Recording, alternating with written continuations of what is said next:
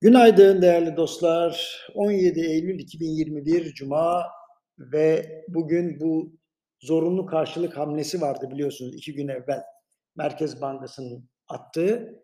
Onu analiz edeceğim ama bazı kararlar açıklandığı zaman etkisini ve uzmanların analizlerini soğukkanlı bir şekilde takip edip ondan sonra yorum yazmayı uygun görüyorum. Böylece toz duman biraz kalkıyor, gerçekler ortaya çıkıyor. Şimdi Merkez Bankası'nın döviz tevdiat hesaplarındaki zorunlu karşılıklar için aldığı son karar belli ki TL'ye karşı güveni tesis edemediğimiz için bu sefer bankaları zorlayarak hem rezervleri arttırmak hem de eğer mümkünse döviz mevduatını azaltmak için alındı.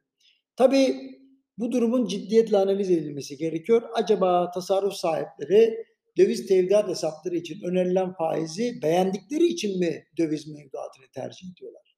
Elbette faizin ehven seviyede olması tasarruf sahibi için önemli ama e, daha çok TL'ye güven azaldığı için döviz tercih ediliyor. Bunu kabul etmek lazım. Hatta dolar TL gevşediği zaman döviz alımı daha da hızlanıyor. Buna da dikkat ediyorum. Şimdi bu kararla beraber aslında ekonomi yönetimi bankalara şunu diyor. Biz TL'ye güveni arttıramadık, faturasını siz ödeyeceksiniz. İşte bu kadar.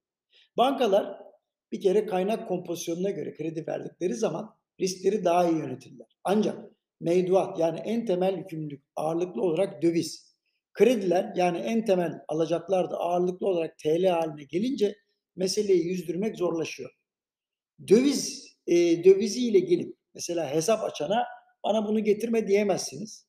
TL mevduatına da dijital ortamdan dövizi çevirene de engel olamazsınız. Zaten buna engel olacak bir kanun yok. Kişiler kendi risk tercihlerine göre özgürce hareket ederler. Demek ki Merkez Bankası zorunlu karşılık hamlesiyle bir taşla iki kuş vurmak istiyor. Bunlardan birincisi bankalardan gelecek karşılıklarla rezervlerini arttıracak. İkincisi de bankaların döviz tevdiat hesaplarını kabul etmesini yavaşlatacak. Hadi ilki elle tutulur diyelim hani rezervler tamam. Ama ikincisi yani DTH azalması vallahi daha önce test edildi başarılı olmadı.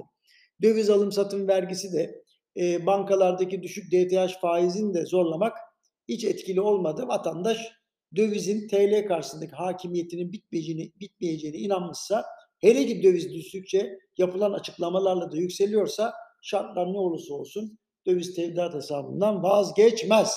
Özetle alınan bu kararın proaktif değil, duruma göre alınmış bir reaktif yani tepkisel karar olduğunu düşünüyorum. Beklenen etkiyi de yapacağını düşünmüyorum. Efendim hepinize iyi bir hafta sonu diliyorum.